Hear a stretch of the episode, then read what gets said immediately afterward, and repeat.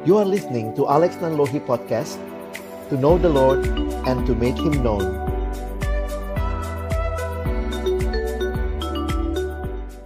Mari kita sama-sama berdoa sebelum kita membaca merenungkan firman Tuhan. Kami datang dalam ucapan syukur kepadamu Tuhan buat kesempatan ibadah yang Tuhan berikan siang hari ini kepada kami. Kami percaya bahwa Engkau Allah yang hadir di tengah-tengah ibadah kami dan kami rindu ya Tuhan boleh disapa olehmu melalui kebenaran firman-Mu. Kami menyerahkan waktu di mana kami akan membuka firman-Mu, bukalah juga hati kami. Jadikanlah hati kami seperti tanah yang baik, supaya ketika benih firman Tuhan ditaburkan itu boleh sungguh-sungguh berakar, bertumbuh, dan juga berbuah nyata di dalam hidup kami. Berkati baik hambamu yang menyampaikan firman, setiap kami yang mendengarkan firman Tuhan, tolonglah kami semua, agar kami bukan hanya jadi pendengar-pendengar firman yang setia, tapi mampukan dengan kuasa pertolongan dari rohmu yang kudus kami dimampukan menjadi pelaku-pelaku firmanmu di dalam hidup kami, di dalam masa muda kami. Bersabdalah ya Tuhan, kami anak-anakmu sedia mendengarnya dalam satu nama yang kudus, nama yang berkuasa, nama Tuhan kami Yesus Kristus. Kami menyerahkan pemberitaan firman-Mu. Amin. Shalom, selamat sore teman-teman sekalian. Pertama-tama Abang bersyukur kesempatan boleh melayani kalian di Persisten. Walaupun kita terpisah secara jarak, tapi ya online ini ternyata juga memberi peluang gitu ya. Kita boleh sharing sama-sama belajar firman Tuhan. Sore hari ini uh, Abang akan membawakan tema yang diminta yaitu God's Endless Love dan nanti saya berharap kita juga bisa diskusi mungkin kalau ada pertanyaan nanti teman-teman bisa sampaikan. Tentunya bicara tentang kasih Allah yang kekal, endless gitu ya. Tidak berkesudahan, sifatnya kekal itu yang sama-sama kita hayati. Di tengah-tengah dunia juga yang sebenarnya sedang banyak bicara tentang kasih. Dunia pun bicara tentang kasih, kita pun belajar untuk melihat apa yang Alkitab sampaikan. Kita baru saja gitu ya, 14 Februari tadi katanya dapat coklat lah dan segala macam. Dunia atau banyak orang merayakan hari kasih sayang. Tapi mari kita belajar mengerti apa yang disampaikan tentang kasih sayang, tentang love, tentang true love di dalam kebenaran firman Tuhan. Ya. Sore hari ini Abang ingin membagikan ayat ini 1 Yohanes pasal 4 ayat 9 dan ayat 10 ya. Teman-teman mari kita lihat dua ayat ini bersama-sama. Abang sudah tuliskan ayatnya ada di screen di depan jadi kalian bisa ikuti. Kita akan membaca ayat ini. Saya akan bacakan bagi kita. Ya. Dalam hal inilah kasih Allah dinyatakan di tengah-tengah kita, yaitu bahwa Allah telah mengutus anaknya yang tunggal ke dalam dunia supaya kita hidup olehnya. Inilah kasih itu, bukan kita yang telah mengasihi Allah, tetapi Allah yang telah mengasihi kita dan yang telah mengutus anaknya sebagai pendamaian bagi dosa-dosa kita. Teman-teman yang dikasih dalam Tuhan Yesus Kristus, setiap kali kita bicara tentang kasih, dunia pun bicara tentang kasih. Tapi kalau kita mau bicara tentang kasih, mari kita ingat baik-baik. Di dalam 1 Yohanes pasal 4, kita belajar juga kalau kita lanjut lagi ke ayat di bawahnya, dinyatakan bahwa God is love. Allah adalah kasih. Jadi, kalau kita mempelajari apa yang dinyatakan di dalam Alkitab tentang kasih, maka di dalam kita sebagai orang percaya mengerti kebenaran firman, kasih itu dimulai dari Allah. Ya. Kasih itu dimulai dari Allah, bukan dari manusia, bukan dari kita. Tapi kasih itu dimulai dari Allah. Karena itu, kalau kita mau belajar tentang kasih, teman-teman, ya belajarnya dari Allah, bukan dari drama Korea begitu ya. Bukan dari hal-hal yang dunia sedang tawarkan kepada kita. If you want to learn about love, maka belajarlah dari Allah. Because God is love, ya. Jadi, sekali lagi ini menolong kita menghayati bahwa kasih itu bukan sekadar sebuah perasaan belaka. Ketika Alkitab berkata God is love, maka mari perhatikan apa yang Alkitab maksud tentang hal itu. Nah, yang Abang ingin kita pelajari sore hari ini adalah perhatikan ya.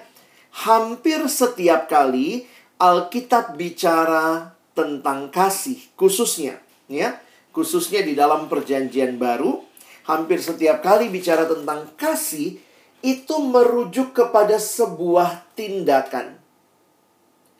Tindakan yang dinyatakan di dalam Alkitab, makanya saya tulisnya begini ya.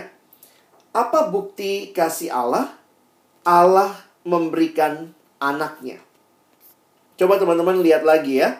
Mungkin kita mesti balik lagi ke ayatnya tadi. Nah, coba abang balik ke ayatnya, perhatikan ya. Hampir setiap kali Alkitab Perjanjian Baru bicara tentang kasih, itu bicara tentang sebuah tindakan. Jadi, kita tidak diberikan definisi kasih adalah sebuah perasaan yang begini, begitu, begitu. Enggak. Waktu Alkitab bicara tentang kasih, maka dia merujuk kepada sebuah tindakan di mana Allah mengutus anaknya. Saya ulangi ya. Hampir setiap kali Alkitab Perjanjian Baru bicara tentang kasih, secara khususnya lagi di tulisan-tulisan Rasul Yohanes, ketika bicara kasih dia tidak memberikan definisi kasih, tetapi dia menunjuk kepada sebuah tindakan. Lihat ayat 9. Dalam hal inilah kasih Allah dinyatakan. Apa yang dia tunjuk? Allah telah mengutus anaknya. Perhatikan ayat 10. Bukan kita yang telah mengasihi Allah, tapi Allah yang telah mengasihi kita. Maka, apa yang dia kaitkan dengan kasih Allah? Yang telah mengutus anaknya.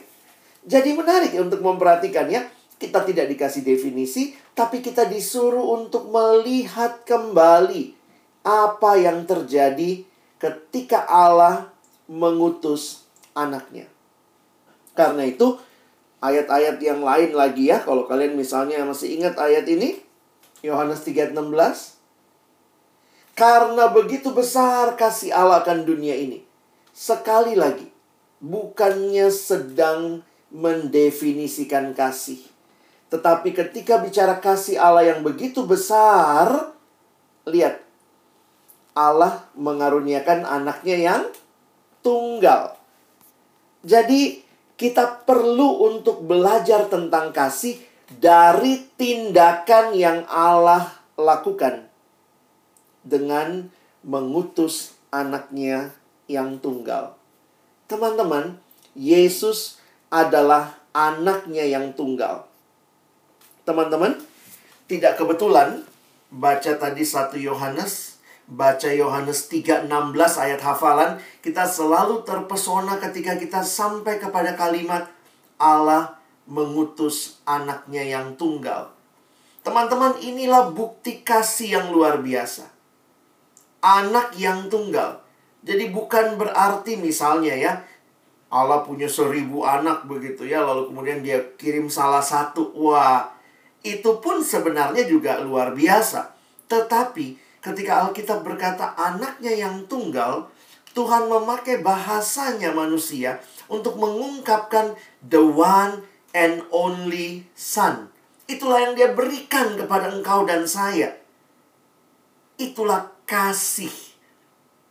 Di dalam kasih, sebenarnya kalau kita mempelajari lebih dalam lagi, ada sebuah tindakan yang didasari oleh sebuah pengorbanan yang dalam. Teman-teman, Ibu Teresa pernah bilang begini ya. Kalau kamu punya 10 pasang sepatu. Ya, kamu punya 10 pasang sepatu. Lalu kemudian kamu mau ngasih orang nih. Wih, mau ngasih orang dari 10 pasang itu kamu mau ngasih satu pasang. Biasanya yang kamu kasih kira-kira yang bagaimana? Nah, mungkin kita akan kasih yang sudah sempit atau mungkin sudah kecil atau dari semua sembilan pasang sepatu yang kita punya kita mungkin cari yang paling jelek gitu ya nah ibu Teresa bilang begini kalau dari sembilan sepuluh pasang sepatu kamu pilih satu yang paling mungkin paling kecil paling nggak nggak nggak bagus dibanding yang lainnya dia bilang itu ngasih atau buang itu kamu sedang ngasih atau buang Lalu dia menggambarkan ketika kamu cuma punya satu pasang sepatu. Bayangkan, kamu cuma punya satu pasang sepatu, itulah satu pasang sepatu satu-satunya yang kau miliki. Tetapi kau lihat ada yang lebih butuh hal itu. Maka dengan hati yang mungkin begitu berat kau berkata, saya memberikan ini satu-satunya sepatu. Sepasang sepatu yang saya miliki. Dan itu disertai dengan perasaan yang begitu dalam pengorbanan. Karena yang diberikan adalah satu-satunya. Teman-teman, Allah menggunakan istilah ini ketika dia berkata mengaruniakan anaknya yang tunggal, the one and only. Jadi akhirnya kita menyadari begitu ya, di sinilah kasih yang begitu luar biasa. Dunia tidak kenal kasih seperti ini.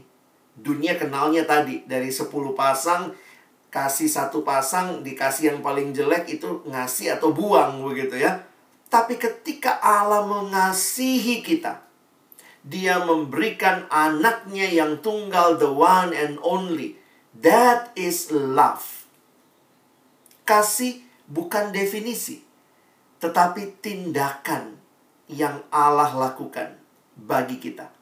Karena itu ada kalimat terkenal, love is a verb. Kasih itu kata kerja. Sebuah tindakan di mana Allah mengaruniakan, memberikan satu-satunya yang dia miliki bagi kita. Karena itu, saya mengutip kalimat pendeta Billy Graham, almarhum. Beliau berkata, Allah membuktikan kasihnya pada kayu salib ketika Kristus digantung berdarah dan mati, itulah saatnya Allah berkata kepada dunia, I love you. Aku mencintaimu. Aku mencintaimu. Dan di sinilah kita melihat ya. Kira-kira Tuhan tahu nggak sih apa tujuan Yesus datang ke dalam dunia? Bapak mengutus Yesus untuk apa? Untuk mati di kayu salib. Menggantikan kita. That is the true love melalui karyanya Kristus, Allah mau mengatakan aku mengasihimu. Nah, teman-teman, kalau sekarang kita bicara kasih, kadang-kadang sedih ya. Kasih itu kayak dangkal sekali. Kasih itu bukannya berkorban, tapi mengorbankan orang lain. Sehingga pertanyaannya, kalau kita mengerti kasih Allah, kita alami nggak? Kasih seperti ini juga waktu kita mengasihi sesama. Makanya ada kalimat cantik ini ya dari pendeta John Stott dia berkata begini. If we are looking for a definition of love, we should look not in a dictionary but at Calvary. Kamu mau tahu apa definisi kasih? Nah, ini memang permainan kata dalam bahasa Inggris ya. Jadi, you want to know the definition of love? We should look not in a dictionary, but at Calvary. Lihatlah ke Calvary. Lihatlah ke karya Kristus. Dia mengutus anaknya. Allah mengutus anaknya. Kristus mati di kayu salib bagi kita. Dan Allah ingin berkata, I love you. Kasih yang berkorban. Kasih yang memberi. Kasih yang benar-benar mem, apa ya, menyatakan seluruh hidupnya bagi kita. Makanya ada yang bilang begini ya, bahasa Indonesia dibanding semua bahasa di dunia, nanti kalian coba cari juga ya, dibanding seluruh bahasa di dunia, bahasa Indonesia itu paling gampang menjelaskan kasih. Maksudnya apa? Apa itu kasih? Ya, misalnya kita punya barang gitu ya. Apa itu kasih? Kasih, ya kasih, gitu ya. What is love? Love is giving. Kasih itu memberi. Nah, itulah yang dinyatakan. Love is giving. Ketika engkau melihat karya Kristus di kayu salib, itu karya yang luar biasa. Dia memberikan hidupnya bagi kita. Kadang-kadang kalau anak sekarang dibilang e, kasih itu bagaimana? Kalau foto semua kita apa? Sarang ya, sarangnya begini ya. Nah, ini ini kasih gitu ya. Wah, ini kasih gitu. Tapi kalau kita pahami, this is not love.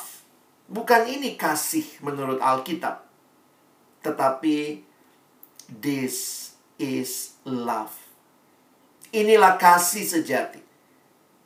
Karya Kristus di kayu salib bagi kita. Dan perhatikan, apa yang kita dapatkan, ya. Apa yang kita dapatkan dari karya Kristus itu? Perhatikan ayat 9 tadi dan ayat 10. Supaya kita hidup olehnya. Kita yang mati dalam dosa mengalami kasih Kristus kita hidup olehnya. Yang berikutnya, lihat ayat 10.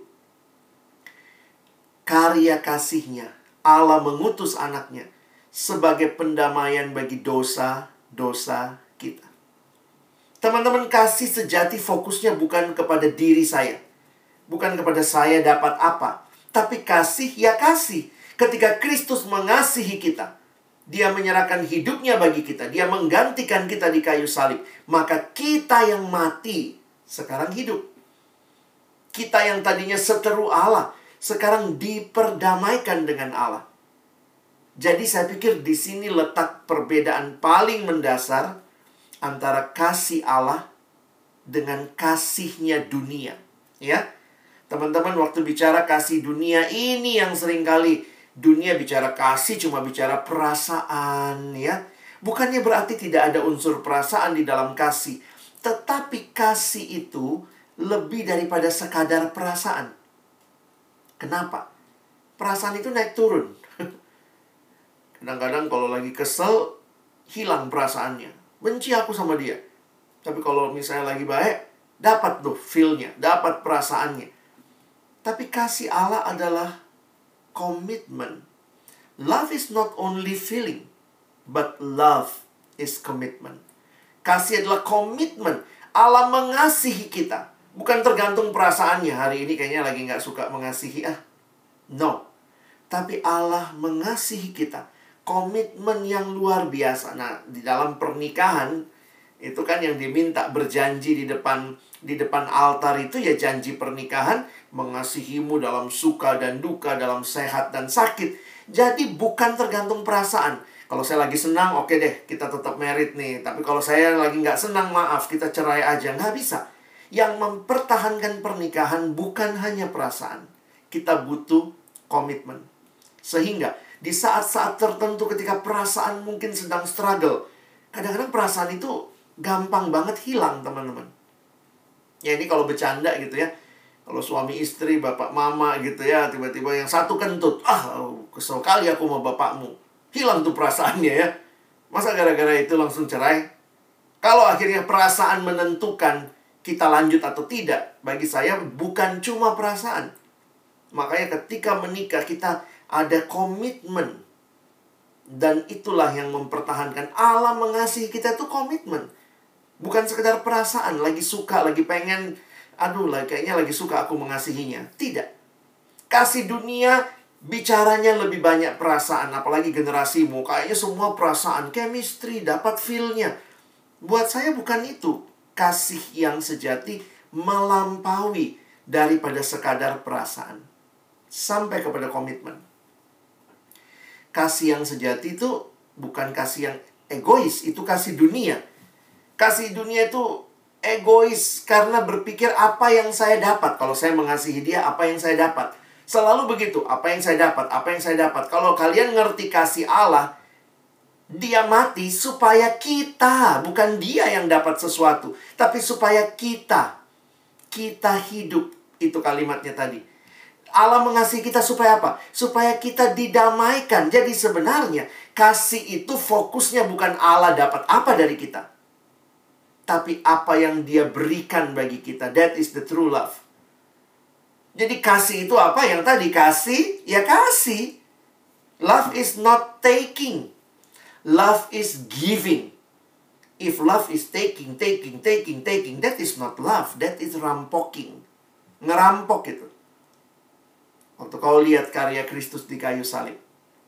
Dia tidak sedang bicara. Dia mengambil sesuatu dari kita. Tapi dia memberikan bahkan yang terbaik. Yaitu nyawanya. Supaya kita hidup. Supaya kita didamaikan dengan Allah. This is love. Kasih yang luar biasa. Dunia punya kasih yang terbatas, tapi kasih Allah yang kita pelajari hari ini endless, tidak berkesudahan. Nah, teman-teman, kenapa kita penting mengerti kasih seperti ini? Saya takut banyak anak-anak remaja yang belum bertumbuh dalam Tuhan tidak mengerti kasih lalu kemudian eh tahu-tahu pacaran. Ini kan katanya bulan kasih sayang pacar-pacaran. Sehingga yang terjadi bukan kasih Allah yang terpancar dari hidupnya. Tapi dua orang yang belum mengalami kasih Allah. Yang terjadi dua-duanya saling merampok. Apa yang bisa saya dapat dari dia? Apa yang saya bisa dapat dari dia? Akhirnya saling merampok. Padahal kasih yang sejati adalah saling memberi. Seperti Kristus mengasihi kita. Dia memberikan segalanya bagi kita. Makanya cintanya remaja kadang-kadang itu disebut cinta monyet. Wah, gitu ya. Kenapa disebut cinta monyet? Nanti kalian main-main ke kebun binatang kan dekat itu ya. Kalau lihat monyet, monyet itu senengnya makan apa? Pisang, kacang. Jadi misalnya kalau kau lagi duduk, pegang pisang, pegang kacang, itu monyet itu biasanya otomatis dekat. Wah, dekat ya.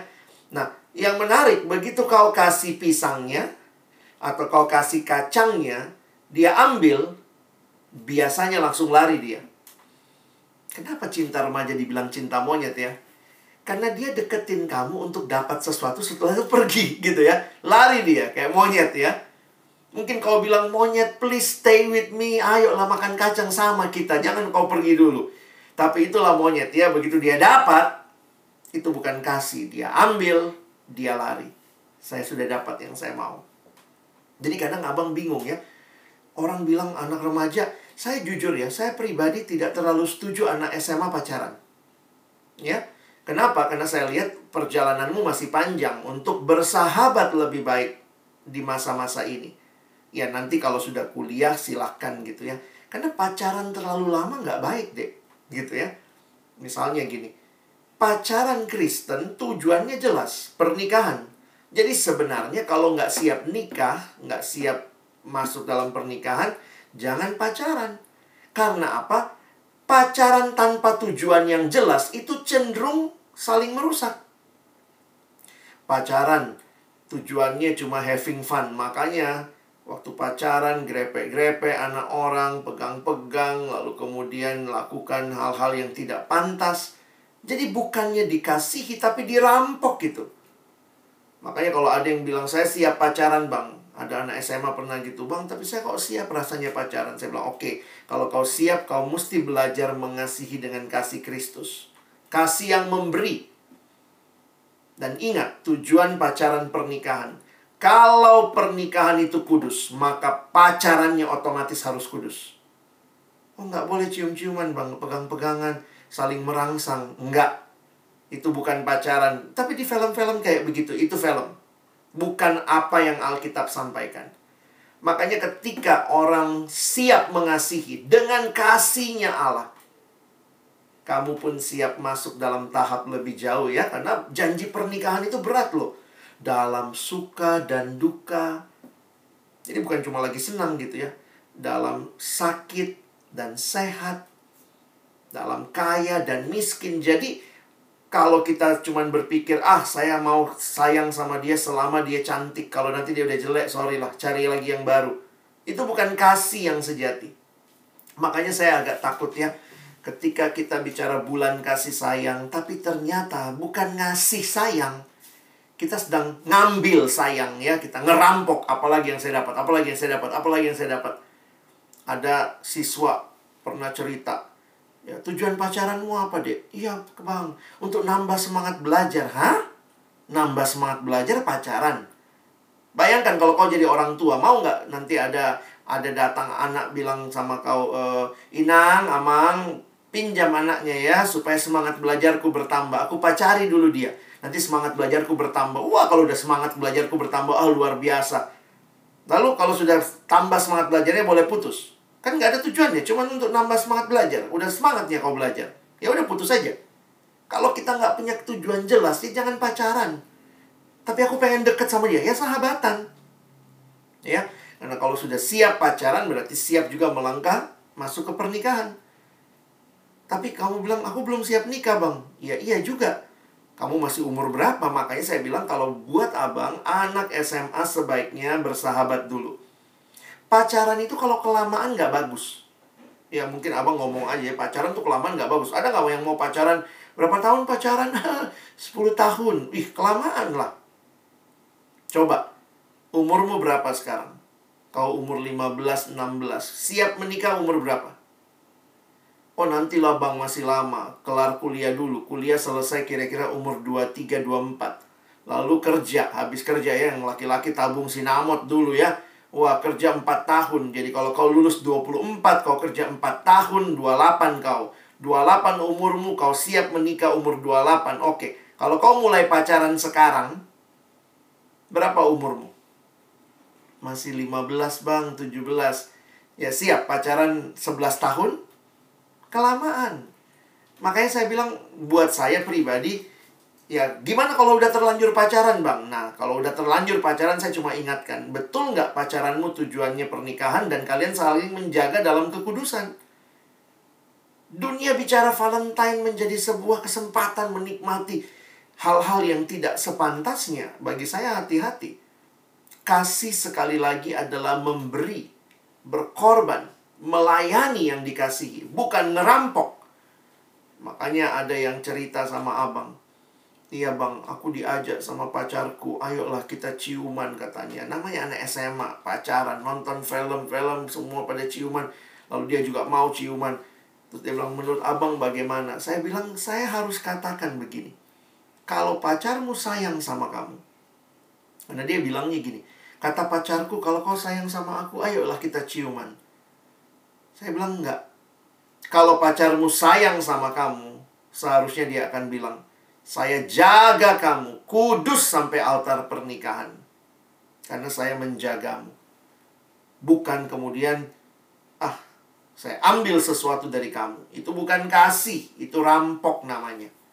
Jadi makanya teman-teman ketika drama-drama Korea yang mungkin kamu tonton, sinetron-sinetron yang kamu tonton, film-film yang ada sekarang, lagu-lagu yang kayaknya love itu digambarkan dengan kebebasan menikmati seks, menikmati kehidupan yang boleh melakukan apa saja, that is not love. Itu bukan kasih. You want to learn about love? Lihat karya Kristus di kayu salib. Nah, teman-teman, kenapa kita perlu mengerti ini? Karena sebenarnya kasih ini Tuhan kan bilang begini ya, kasihilah sesamamu manusia. Tuhan mau kita mengasihi sesama manusia dengan kualitas kasih seperti mana? Ya seperti kasihnya dia sama kita. Kalau dia sudah mengasihi kita, maka kita pun diminta mengasihi dengan kualitas kasihnya dia kepada sesama. Dan saya harus ingatkan bahwa ini bukan hanya buat pacar, ya. Abang sore hari ini tantang kalian. Menantang kalian. Siap nggak mengasihi sesama? Siapakah sesama? Bukan cuma pacar-pacaran ya, karena lagi Valentine kesannya pacar aja ya. No. Siap nggak kasihi keluargamu? Siap nggak mengasihi temanmu? Belajar membagikan kasih. Jadi makanya bulan kasih sayang bukan cuma yang sudah pacaran, kalau kalian mau mengekspresikan, maka belajarlah mengasihi. Kasihi keluargamu, abangmu, kakakmu, temanmu, orang tuamu, yang tentu mereka tidak sempurna ya. Kadang-kadang ada juga anak yang protes, kenapa ini bapakku, kenapa ini mamaku, aku nggak mau punya keluarga begini. Tapi nggak kebetulan Tuhan hadirkan kamu di keluarga itu. Tuhan mau His endless love boleh juga dialami oleh keluargamu. Dan abang lihat itu tujuannya Tuhan juga buat kita ya. Saya coba tuliskan begini ya. Kalau kita baca kejadian 2 ayat 18, ini pertama kali di Alkitab kita muncul kata tidak baik kalau manusia itu seorang diri saja. Kalau kalian bayangkan kitab kejadian itu kan kitab awal mula segala sesuatu. Di situlah kemudian dikatakan di pasal yang kedua, Tuhan ciptakan hari pertama, hari kedua, ini baik, baik, baik, baik, sungguh amat baik. Puncaknya begitu ya. Tiba-tiba kejadian 2 ayat 18 bilangnya begini. Tidak baik kalau manusia itu seorang diri saja. Jadi, manusia itu makhluk yang Tuhan ciptakan untuk memiliki relasi dengan sesama. Teman-teman ingat ini baik-baik. Tuhan menciptakan kita untuk saling mengasihi. Itu desain awalnya Tuhan. Ini bukan ayat hanya buat yang pacar-pacaran ya. Tapi Tuhan mau kita yang mengalami kasihnya belajar saling mengasihi. Makanya Bapak John Stott tulis kalimat ini ya. Sebagaimana ikan dibuat untuk air, umat manusia dibuat untuk kasih, untuk mengasihi Allah dan mengasihi sesama kita. Kalau kau mengerti God's endless love yang kau alami dalam hidupmu, maka biarlah kamu juga menyatakan itu dengan mengasihi sesama. Bagaimana kita mengasihi sesama? Ya, paling tidak buat siswa, abang pikir ya belajar jadi sahabat yang baik. Karena kan belum semua punya pacar atau ya mungkin juga kalian sepakat sepaham dengan abang ya belum saatnya pacaran. Jadi paling tidak kembangkan kamu harus belajar jadi sahabat yang baik. Sahabat yang baik itu kayak apa? Nah, Abang angkat dua ayat di dalam kitab Amsal. Perhatikan yang pertama. Amsal 17 ayat 17. Wah, ini kita udah sering ya baca ayat ini. Dalam terjemahan Indonesia, di dalam Alkitab kita yang sebelah kanan ini kan terjemahan Inggrisnya ya. A friend love at all times. A friend loves at all times and a brother is born for a time of, of adversity. Dalam bahasa Indonesianya, Amsal 17 ayat 17, seorang sahabat menaruh kasih setiap waktu. Tadi at all times.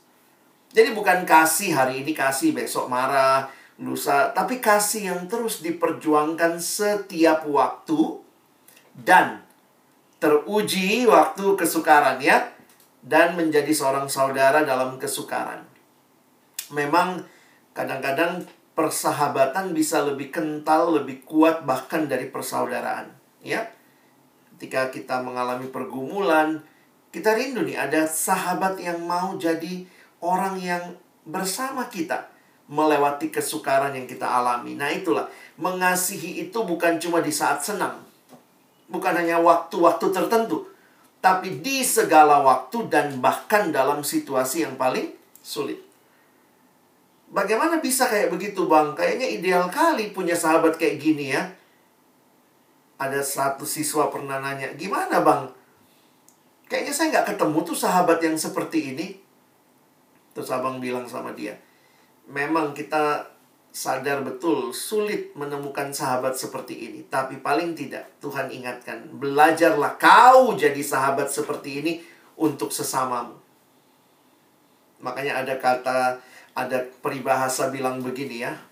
Aku keluar dan mencari sahabat. Tidak ada sahabat kutemui. Tapi kemudian aku keluar lagi. Dan kali ini aku menjadi sahabat. Ternyata banyak sahabat di mana-mana kutemui. Wah, iya ya. Kadang-kadang kita menuntut orang lain mana yang kayak gini, mana yang kayak gini. Pertanyaan abang sore ini bukan mana yang kayak ini. Kamu jadi seperti ini nggak? Aku nggak mampu bang, aku nggak sempurna.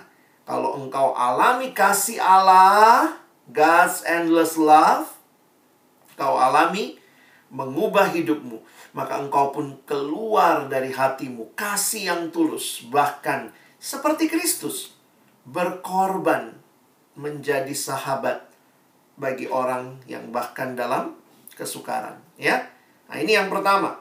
Jadi sahabat yang baik Kalau kamu alami God's endless love, bersahabatlah dalam kasih. Yang kedua, Amsal 27 ayat 17. Apa ayatnya? Nah, kita sering baca ini ya, besi menajamkan besi, orang menajamkan sesamanya. Perhatikan, dalam terjemahan bahasa Indonesia masa kini BIMK dikatakan sebagaimana baja mengasah baja, demikian pula manusia belajar dari sesamanya. Ah, ini menarik. Jadi kalau kalian perhatikan, bukan hanya kasih, tetapi sebenarnya juga persahabatan yang baik itu terjadi saling mengasah. Ya, saling belajar mengasah itu ya seperti besi menajamkan besi pasti sakit. Ada yang memberikan evaluasi untuk hidupmu, ada yang kasih masukan, ada yang mengasah kamu supaya lebih sabar, ada yang mengasah kamu supaya lebih rajin. Itulah sahabat yang baik. Besi menajamkan besi, manusia menajamkan sesamanya. Jadi teman-teman, jangan cuma minta sahabat yang mengasihi, tapi sahabat yang baik bukan cuma mengasihi, tapi dia juga mengasah hidupmu. Dan ini yang abang simpulkan ya. Sahabat yang baik yang membangun itu adalah terjadi saling asih, mengasihi, dan saling asah, mengasah. Asih dan asah. Kalau cuma mengasihi, Kau salah pun dia diemin. Oh, aku mengasihi sahabatku. Kau kau nyontek pun dia bilang, ah nggak apa-apa lah, aku mengasihimu. Kalau cuma mengasihi tanpa mengasah, cenderung jadi munafik. Dia tutup mata kepada kesalahanmu. Tapi kalau cuma mengasah, mengasah, tukang kritik nanti. Ih, kenapa begini? Kenapa begini? Kenapa begini? Tetapi kalau dia pada saat yang sama dia punya kasih, tapi dia berani menegur, dia berani mengasah kamu. Dia berani mengasah kamu, tapi dia tetap mengasihimu. Saya pikir itu sahabat yang baik. Dan bagaimana kita jadi sahabat seperti ini? Ketika engkau sekali lagi mengalami kasih Allah yang indah. Kasih yang pertama-tama memenuhi hidupmu. Memberikan segalanya bagimu. Sehingga kau bisa jadi sahabat yang juga belajar memberikan segalanya bagi orang yang kau kasihi. Bagi sahabat, bagi keluarga, dan kalau waktunya sudah sampai, sudah pas, ya Tuhan juga berikan bagi pasanganmu. Jadi sebenarnya ini melatih kita ya. Kalau kamu belajar bersahabat dengan baik, nah nanti kalau punya pacar juga kamu akan bisa belajar mengasihi dengan tulus. Belajar memberi yang terbaik belajar menjaga dia, bukan merampok dia. Dan itulah sebenarnya yang kita rindukan dialami oleh dunia ini. Bukan kasih yang egois, bukan kasih yang terbatas, tapi kasih Allah yang endless itu. Yang pertama-tama dialami oleh setiap orang yang buka hati terima Yesus dan akan memancar dalam kehidupan kita. Ya, Kiranya Valentine tahun ini kalian maknai dengan merenungkan kasihnya Yesus ya. Kasih yang memberikan segalanya. Kasih yang adalah komitmen. Nggak berubah. Kasih yang benar-benar berkorban. Nah sekarang kita pun dipanggil. Ayo mengasihi. Kasihi keluargamu. Kadang-kadang masa-masa di rumah seperti ini online semua. Eh di rumah terjadi gesekan banyak ya. Kadang-kadang karena gesekan itu kita kehilangan kasih marahlah sama abang, sama kakak. Kadang-kadang kayaknya rasanya kita mengasahnya lebih banyak ya, mengasahnya lebih banyak, kasihnya jadi sedikit. Nah, tapi di situasi seperti ini biarlah kita pun bertumbuh dalam kasih ya. Nah, nanti kalau udah siap pacaran, nah jalanilah dalam kasih yang membawa kamu siap masuk ke pernikahan. Dan berjanji di altar pernikahan. Janjinya apa kan? Bukan jadinya aku rampok kau ya. Kalau kau cantik aja aku sayang. Kalau nanti udah jelek maaf ya. Tapi benar-benar dalam suka dan duka. Sehat maupun sakit. Tua maupun muda gitu ya. Nah kiranya pemahaman akan God's endless love berdampak dalam hidupmu ya. Bukan cuma kau ngerti, wah hari ini khotbahnya Tuhan sangat luar biasa mengasihiku. Dia berikan segalanya bagiku. Ada aplikasinya. Tuhan minta kita hadir jadi orang-orang yang membawa kasih Allah. Supaya waktu orang lihat hidupmu, orang lihat hidup abang, orang lihat hidup kita, biarlah orang melihat siapa Yesus yang telah mengisi hati kita. Selamat mengaplikasikan kasih, jadilah orang-orang yang mengasihi sesama dengan tulus. Abang berhenti sampai sini. Jika mungkin ada yang mau tanya, abang kasih waktu ya, ada beberapa menit ke depan kita bisa tanya jawab. Kalau ada yang mungkin mau tanya, ada pergumulan atau ada bagian firman yang tadi kalian belum paham, silakan. Mungkin mau tulis di chat boleh. Kalau mau hemat waktu, langsung buka mic-nya saja. Langsung bertanya ya. Boleh abang kasih kesempatan kalau ada yang mau bertanya. Silakan. uh, katanya kan uh, dia tidak bisa menemukan arti cinta itu di kamus tetapi di Kalvari kalau Kalvari itu apa ya? Kalvari itu maksudnya kalau kalian lihat di Alkitab adalah Bukit Kalvari, situ sama dengan Bukit Golgota, di situlah Yesus disalibkan. Nanti kalian cari di Alkitab ada kata Kalvari, itu sama dengan Golgota, itu tempat di mana Yesus disalib. Jadi kalimat tadi mau mengingatkan, mau tahu tentang kasih, lihat Kalvari. Lihat apa yang Tuhan nyatakan dengan dia menyerahkan dirinya mati di kayu salib bagimu.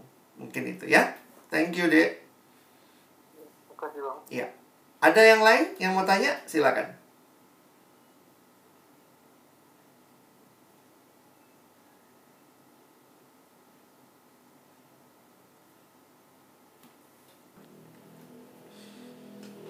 Kasih Tuhan lebih besar ya, paling besar dibanding segalanya. Puji Tuhan. Jadi teman-teman bisa share ya. Makasih Dion Purnama yang diajarkan Tuhan hari ini pada saya menjadi sahabat yang baik. Bukan mencari sahabat yang baik. Puji Tuhan ya buat Purnama. Andini, kasih Tuhan paling besar dari segalanya. Ya, silakan masih ada. Jadi tadi teman-teman boleh semua kita kan pasti Tuhan ajarkan dengan berbagai cara ya. Dari Andini, kasih Tuhan paling besar. Oh, sudah tadi ya. Silakan kalau masih ada. Di sini kita ada 70-an orang, ya. Satu orang bisa satu kalimat singkat apa yang kau dapat, apa yang Tuhan ingatkan. Arizona, ya, thank you ini. Uh, love is a definition, love is a verb. Thank you, ya. Tuhan berkati. Kasih Tuhan tidak ada batasnya. Ini dari Danesha ya, Danesha, thank you dek. Silakan masih ada, abang tunggu biar kita bisa saling berbagi. Apalagi yang teman-teman diingatkan sore ini, Tuhan tegur mungkin, Tuhan kuatkan. Silakan. Saya masih tunggu ya. Ada lagi? Dari Risna, tidak perlu mencari definisi kasih tapi berbuatlah kasih. Puji Tuhan. Christina, kasih adalah tentang memberi bukan menerima. Puji Tuhan. Felicia, kita harus bisa mengasihi sesama manusia seperti Allah mengasihi kita. Ketika kita mengasihi sesama manusia, janganlah kiranya kita meminta balasan, tapi kita harus tulus dalam mengasihi sesama. Thank you Dek. Dari Elsa, pacaran itu ketika siap mengasihi. Ah, puji Tuhan ya. Siap mengasihi dia dengan tulus dan pacaran haruslah kudus dan berkenan di hadapan Tuhan. Bagus ya pegang prinsip-prinsip itu jadi jangan nggak mesti juga buru-buru pacaran kan belum menikah besok kan? Ya dari Asima jika kamu ingin orang lain bahagia belajarlah mengasihi. Jika kamu ingin bahagia belajarlah mengasihi. Thank you deh puji Tuhan. Ya. Baik kalau kalian masih mau ngetik silahkan ini ada lagi. Kasih uh, dari Elsa. Elsa yang lain ya. Kasih Tuhan untuk membawa damai Kiranya kita pun menjadi pembawa damai di dunia. Oke. Baik, Abang akan tutup dulu dalam doa. Kalau masih mau ketik, silahkan. Berharap teman-teman yang lain juga nanti bisa baca ya. Mari kita berdoa. Tuhan terima kasih hari ini kami belajar tentang kasih-Mu. Kasih yang sudah dinyatakan di Kalvari, di kayu salib bagi kami. Terima kasih Tuhan. Ketika dunia sedang bicara kasih sayang di bulan yang juga diwarnai dengan banyaknya berbicara tentang kasih, biarlah kami belajar tentang kasih bukan dari dunia, tapi dari Allah sendiri. Karya Kristus di kayu salib mengingatkan kami betapa besarnya kasihmu bagi kami. Yohanes 3 ayat 16 yang sering kali kami hafal. Karena begitu besar kasih Allah akan dunia ini. Sehingga ia telah mengaruniakan anaknya yang tunggal supaya setiap orang yang percaya kepadanya tidak binasa, melainkan beroleh hidup yang kekal. Terima kasih, karena kami yang mengalami kasih-Mu itu, kami diselamatkan, kami tidak binasa, kami beroleh hidup yang kekal. Dan ketika kami hidup dalam hidup yang baru, tolong kami juga mengasihi sesama dengan tulus. Di keluarga kami, sahabat kami, dan juga pada waktunya nanti dengan pasangan hidup yang Tuhan berikan kepada kami. Terima kasih buat perenungan kami, terima kasih juga buat setiap sharing yang dituliskan. Tolong kami bukan cuma jadi pendengar firman, tapi jadi pelaku-pelaku firman. Dalam nama Yesus kami bersyukur, kami berdoa. Amin.